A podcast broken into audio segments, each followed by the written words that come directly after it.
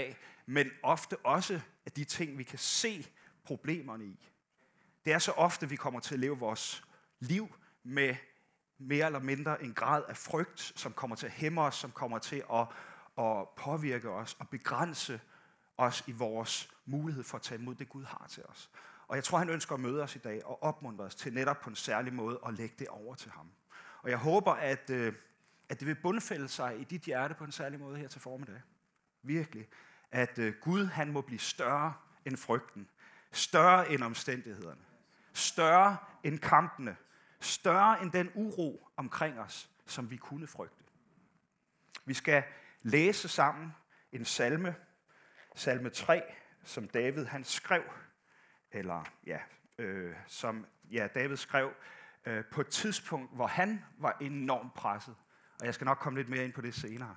Men det er altså en salme, som han skrev på et tidspunkt, hvor han var på flugt fra sin egen søn, Absalon, og en hel hær, som forfulgte ham. Og der siger han sådan her. Herre, hvor er mine fjender mange? Mange rejser sig imod mig. Mange siger om mig, ham frelser Gud ikke, Sela. Men du, Herre, er min skjold, min ære, den, der løfter mit hoved. Jeg råber højt til Herren, og han svarer mig fra sit hellige bjerg, Sela. Jeg lagde mig og sov. Jeg vågnede, for Herren støtter mig. Jeg frygter ikke 10.000 krigere, der belejrer mig fra alle sider.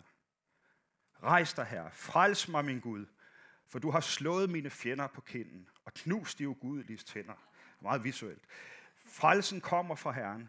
Din velsignelse kommer over dit folk. Sela. Og Sela, for dem af jer, der ikke kender Bibelen så godt, det er sådan et musikalsk udtryk. Det bruger vi ikke så meget i dag, men uh, øh, ja, præcis. En guitar, guitar solo i stedet for. Hvor kommer frygt egentlig fra? Lad os prøve at kigge lidt på det.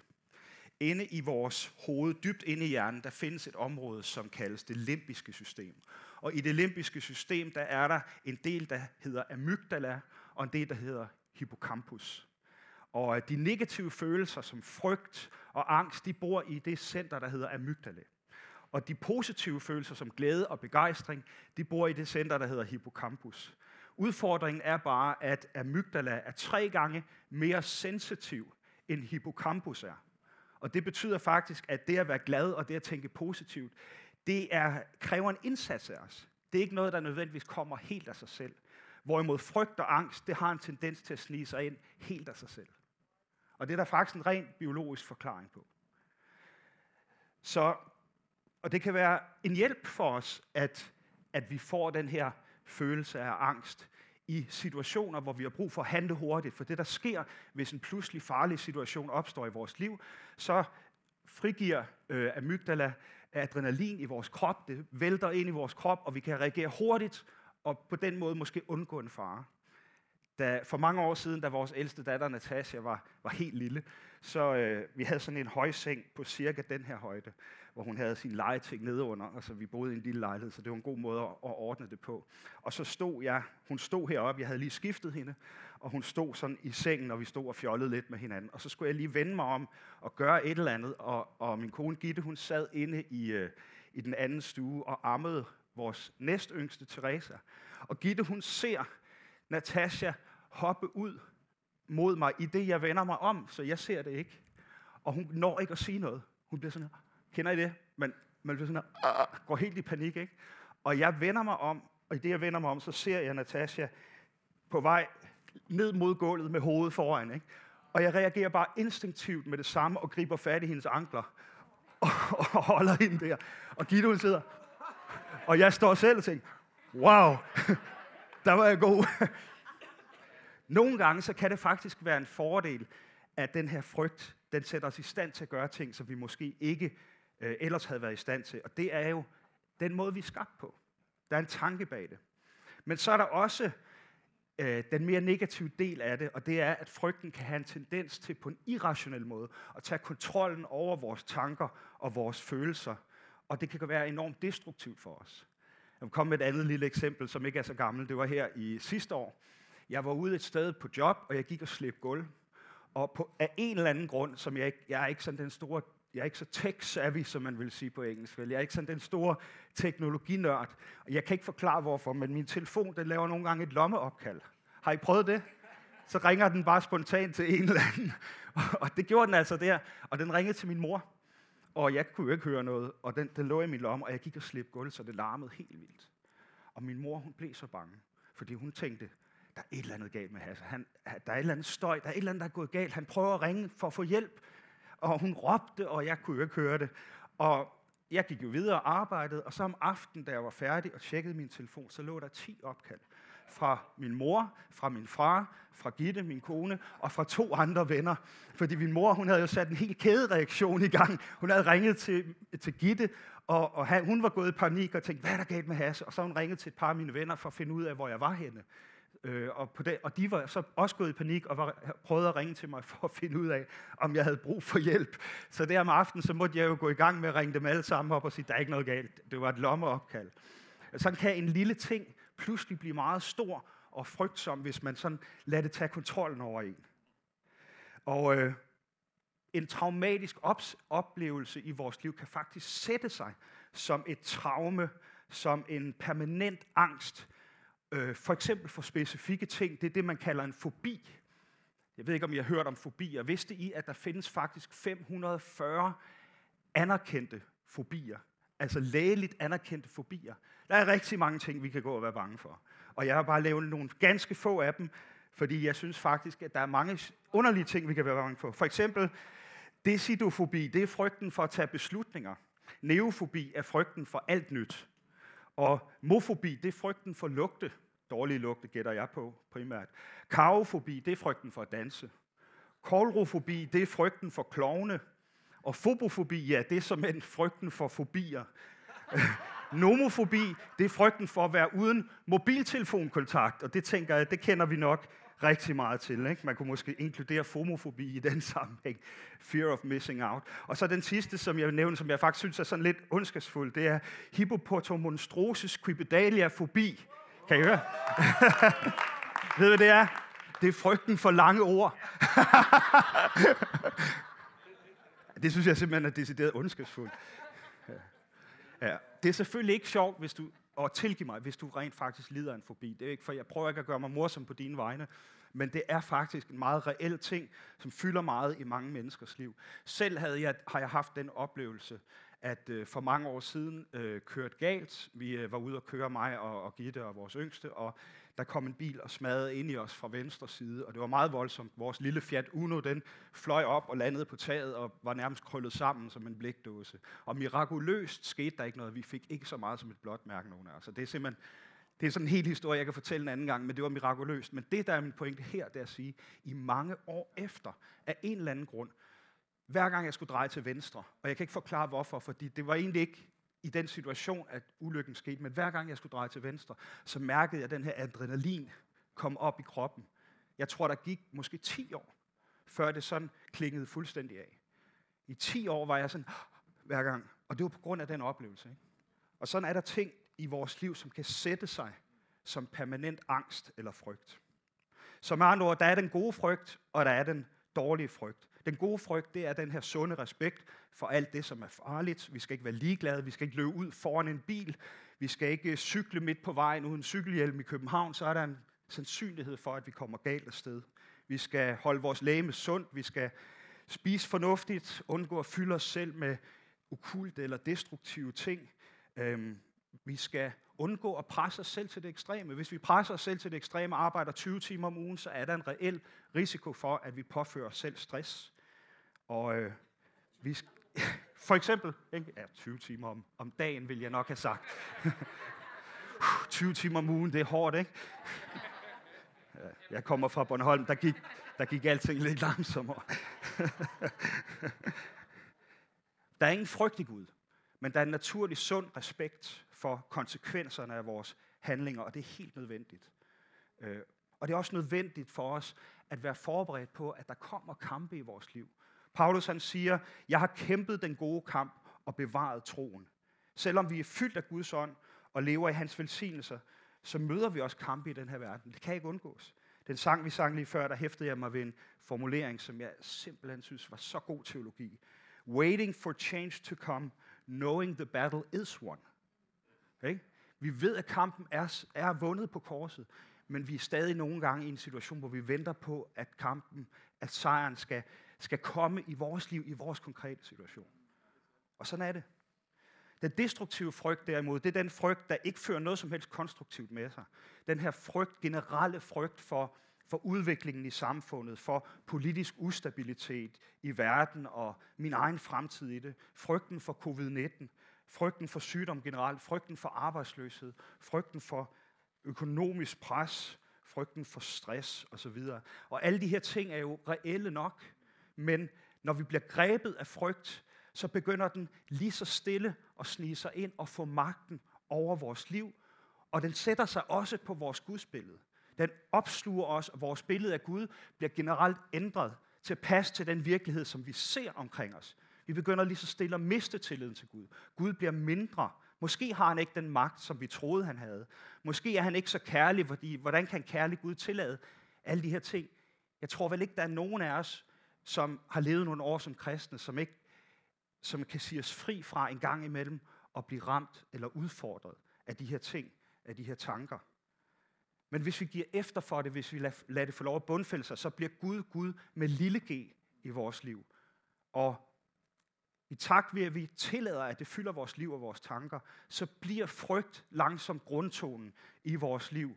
Og det gør, at vi aldrig kan slappe af. Det æder os op indefra, det giver os mavesår og dårlige nerver. Nogle mennesker de, øh, skældner mellem frygt og angst. Det er der ikke sådan helt videnskabeligt belæg for at gøre, men, men man kan sige, at hvis frygt er det, der er fokuseret på et objekt, som vi kan forandre, som vi rent faktisk kan gøre noget ved, så er angst den her generelle tilstand i vores liv, som vi ikke kan gøre noget ved, men som bare fylder os op og æder os op indenfra. Ikke? Det er lidt ligesom sådan en dårlig dansk øh, vejr, hvor det bare siler ned hele tiden, og efterhånden så den her fugt og den her regn, den sætter sig i vores indre hus og giver os fugtproblemer og får svampen til at vokse frem, og det hele rådner væk. Ikke? Kan, I, kan I se billedet for jer?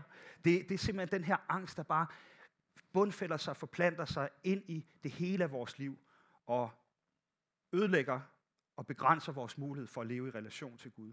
Den her daglige indre bekymring, den invaliderende angst, kunne man sige.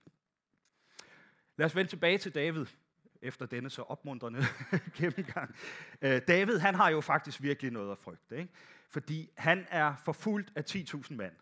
Og hans egen søn, Absalon, som han jo fik i utroskab med Bathsheba, har rejst sig mod ham og smidt ham af tronen og op, udfordrer hans kongedømme sammen med en stor hær.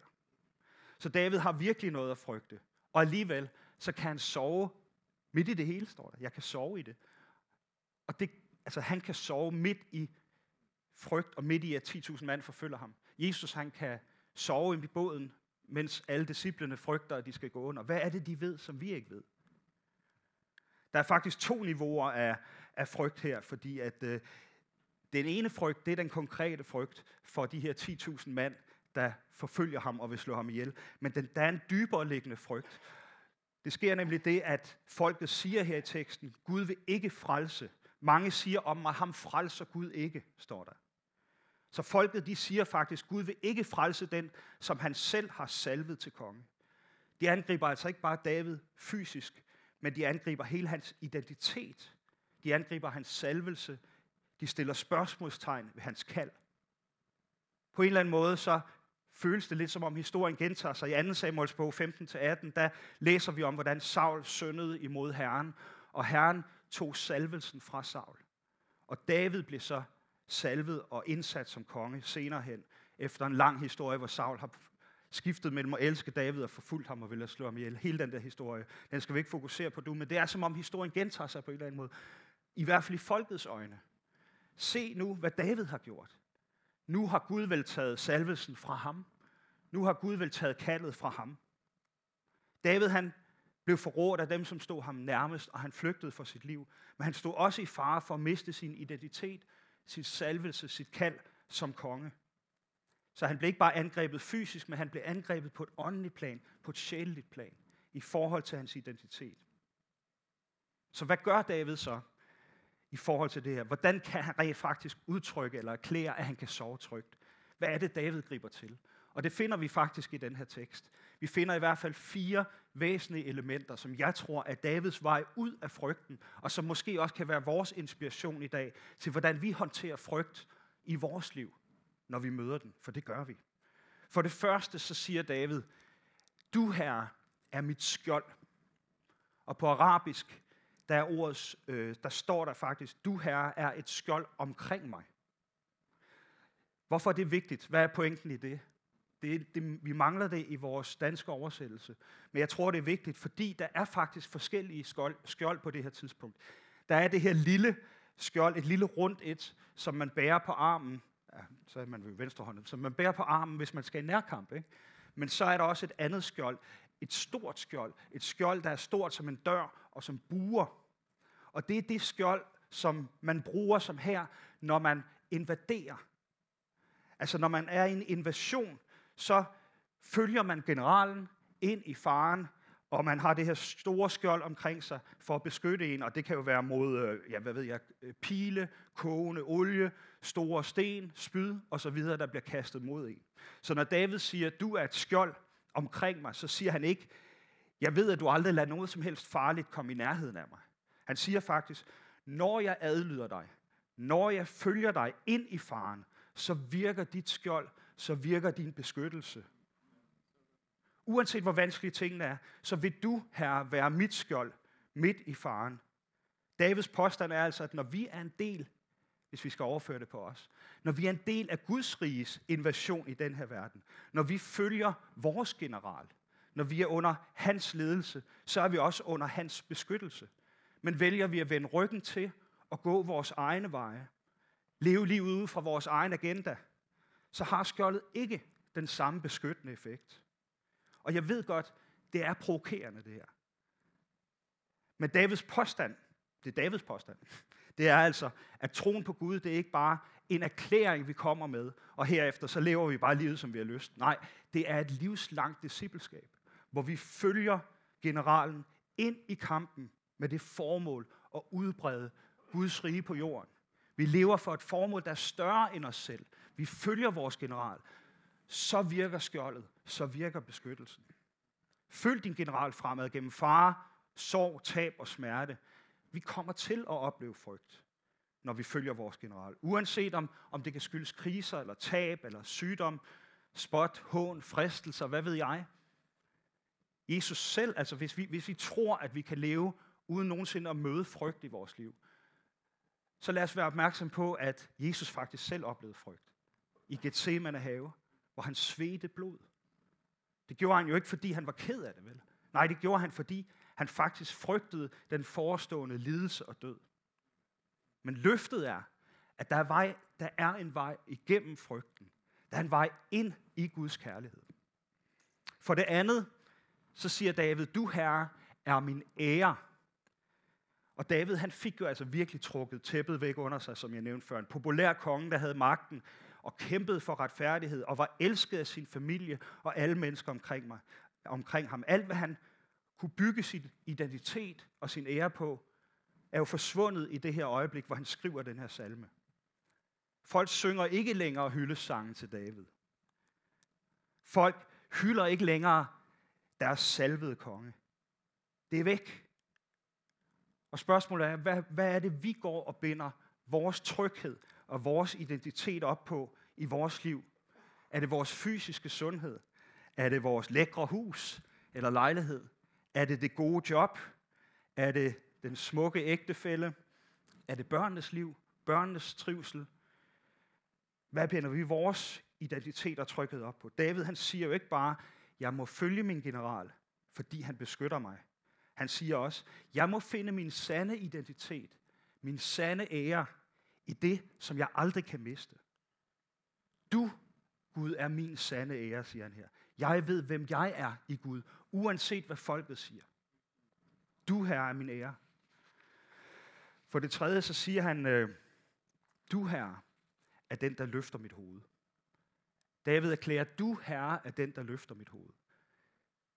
Kender I det der billede fra film, som sådan nogle heltefilm, hvor øh, helten eller ridderen knæler foran kongen, ikke? og så tager kongen hans hoved og løfter ham op. Min yndlings, en, nogle af mine favoritfilm, det er Ringnes Herre. Og øh, ved afslutningen af den tredje øh, film i trilogien, der bliver, øh, hvad hedder det, kongen kronet deroppe på, øh, nu er jeg, ikke, jeg kan ikke lige huske, hvad det hedder, den by der. Menes Tiras, ja præcis. Og så går han ned igennem folkemængden, og så møder han de fire hobitter. Og de knæler for ham. Og så siger han, og jeg synes, det er så rørende en scene, siger han, I skal ikke knæle for nogen. Og så knæler hele folket for dem. Ikke? Den omvendte situation, for det normale er at knæle for en konge.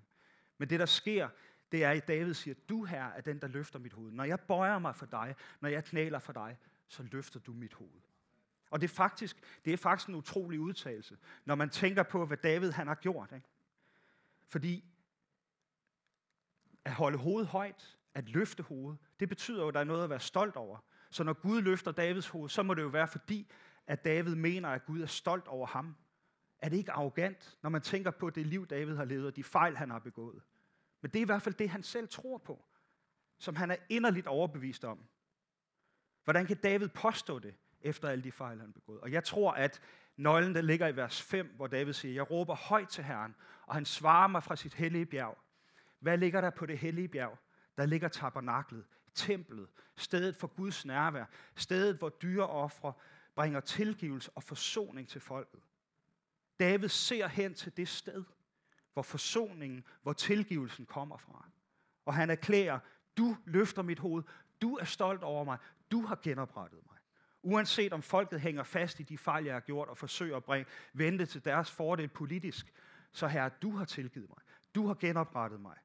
Jeg har ikke mistet min salvelse i dine øjne. Og det er også sandt for dig og mig i dag. Vi bliver endda mødt med en tilgivelse, som dyreoffringen kun var et svagt forbillede eller midlertidig erstatning for. Fordi hvad gjorde Gud for os?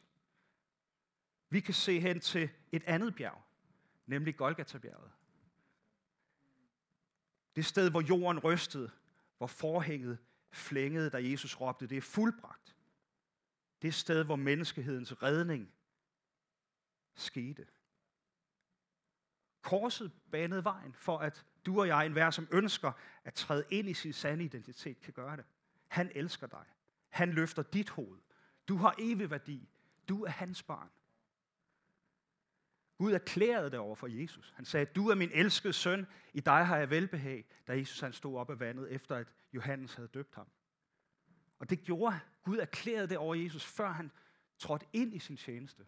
Før han havde gjort noget som helst. Han havde ingen mirakler udført. Det læser vi. Det første mirakel derefter, det var at lave vand til vin. Det er noget, vi nævner ofte i Vineyard. Nej, det er pjat. Men, men uh, det var hans første mirakel. Men pointen er, han havde ikke udført nogen mirakler her. Og alligevel så erklærer Gud over ham, du er min elskede søn, i dig er velbehag. Ved du, hvad det fortæller os? Det fortæller os, at det ikke, der er ikke nogen præstationer, som vi kan udføre, der kan gøre, at Gud elsker os. Han erklærer over os, du er min elskede søn, du er min elskede datter, i dig har jeg velbehag. Før vi gør noget som helst andet, end at række ud efter ham. Det er den kærlighed, vi bliver mødt med. Og det er den kærlighed, som gør, at David frimodigt kan erklære, du her er den, der løfter mit hoved.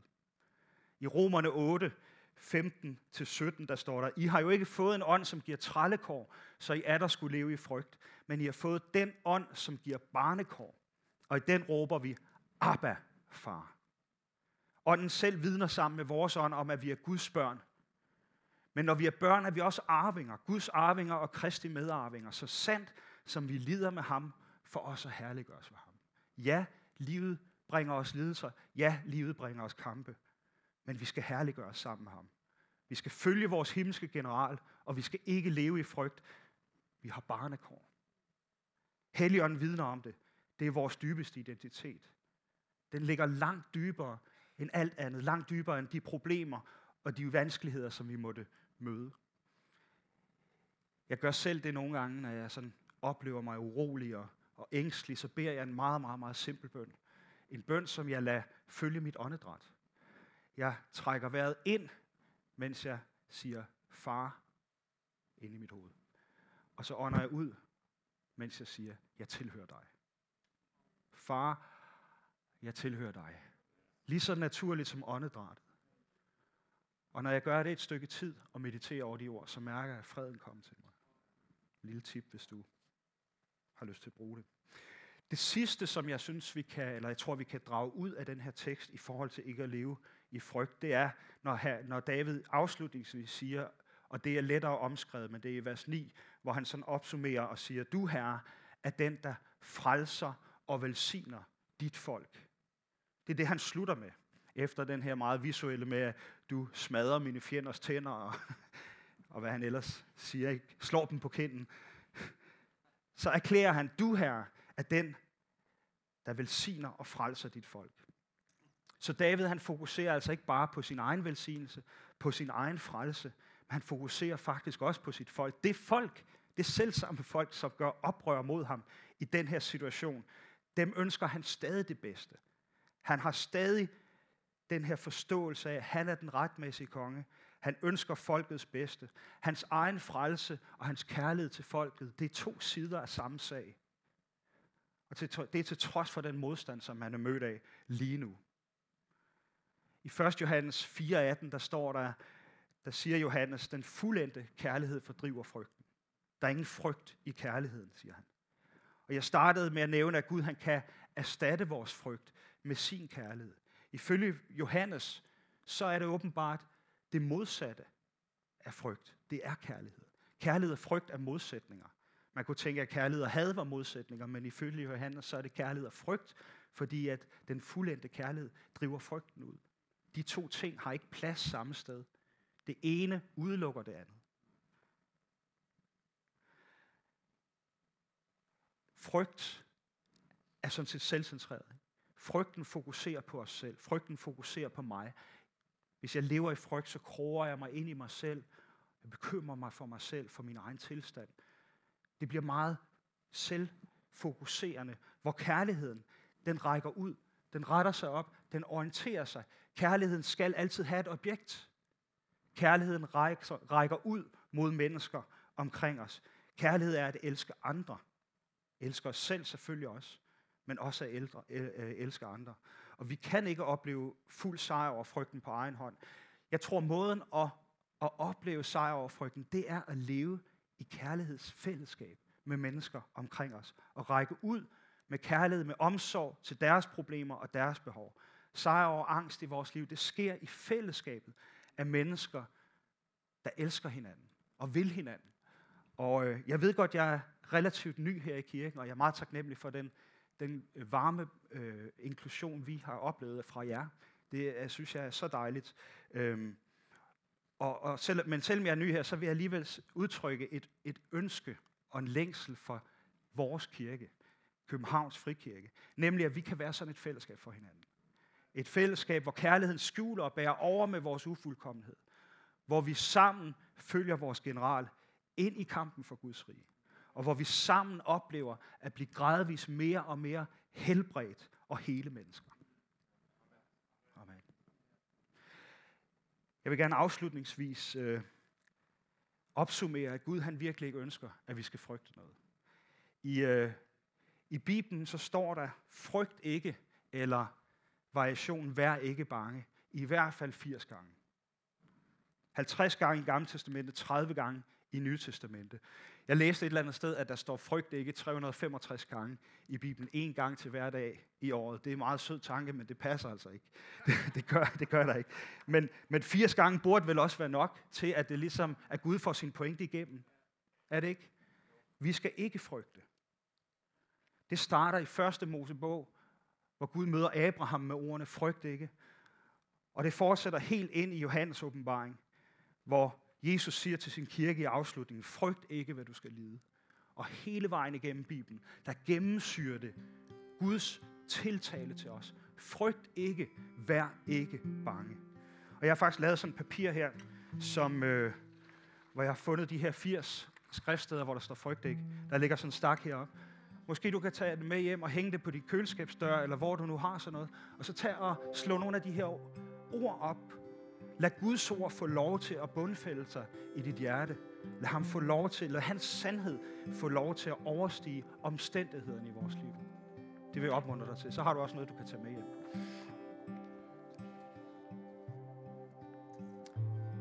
David lærer os, du herre er mit skjold. Gud beskytter dig, når du følger ham gennem vanskelighederne, i stedet for at prøve at flygte fra dem.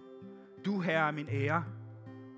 Er vi villige til at se frygten i øjnene, og kan vi leve med tab af ære og status? Er Kristus nok for os? Er det nok for os, at vi er Guds børn? Er det vores identitet? Du, Herre, løfter mit hoved, sætter Guds tilgivelse, hans barnekår og faderens kærlighed, dig og mig fri fra frygt i vores liv. Du, Herre, frelser og velsigner dit folk. Oplever du, at frygten forsvinder i mødet med andre mennesker, i mødet med andre menneskers behov, i kærlighedsrelationen med folk omkring dig. Jeg tror, vi skal bruge lidt tid på at, at bede ind i det her. Jeg tror, at ikke at jeg er den eneste, som har brug for, at Helligånden på en særlig måde møder mig i dag på de områder af mit liv, hvor jeg oplever frygt og bekymring. Men øh, før jeg gør det, så øh, delte Camilla. Hvor er Camilla? Der. Kan du ikke komme herop, Camilla? Det, Camilla delte et, et ord, som hun havde fået på vores, øh, vores bedemøde for i lørdag, Øh, afslutningen på fastugen. Øh, og det har jeg spurgt, om hun ville dele her.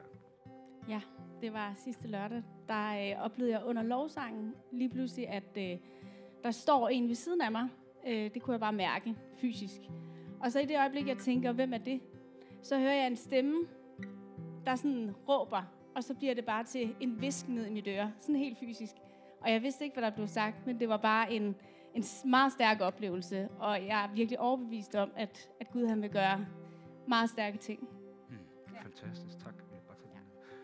Du sagde før, at du troede, at det var en engel, der havde talt ind i dit øre. Ja, ja. ja. Ikke lige sagt, det var. Nej, jeg var overbevist om, at det var en engel, ja. der var ved min tid. Ja. Jeg ved selvfølgelig ikke, hvad englen har visket i Camillas øre, men jeg ved, hvad englen mødte Maria med. Jeg ved, hvad englen ofte møder folk med i Bibelen, nemlig ordene, frygt ikke. Gud er større. Gud er større. Og måske er det det, som han vil tale til os i dag. Måske er det det budskab, som vi skal tage ind i dag. Frygt ikke. Jeg er større. Jeg er overbevist om også, at vi har en spændende fremtid foran os. Det kan jeg sige bare på baggrund af Bibelen. Men jeg kan måske også sige det ud fra mit eget liv og mine egne forventninger om, hvad Gud han vil for os her i 2022. Og hvad Gud vil med os og i os. Så skal vi ikke være åbne for det? Skal vi ikke lade den her sult og længsel efter Guds forandring være fællesnævneren for vores fællesskab? Det tror jeg kunne være så godt og forudsætningen for, at Gud han kan gøre lige præcis det, han har på hjertet at gøre for os. Skal vi rejse os op og bede sammen?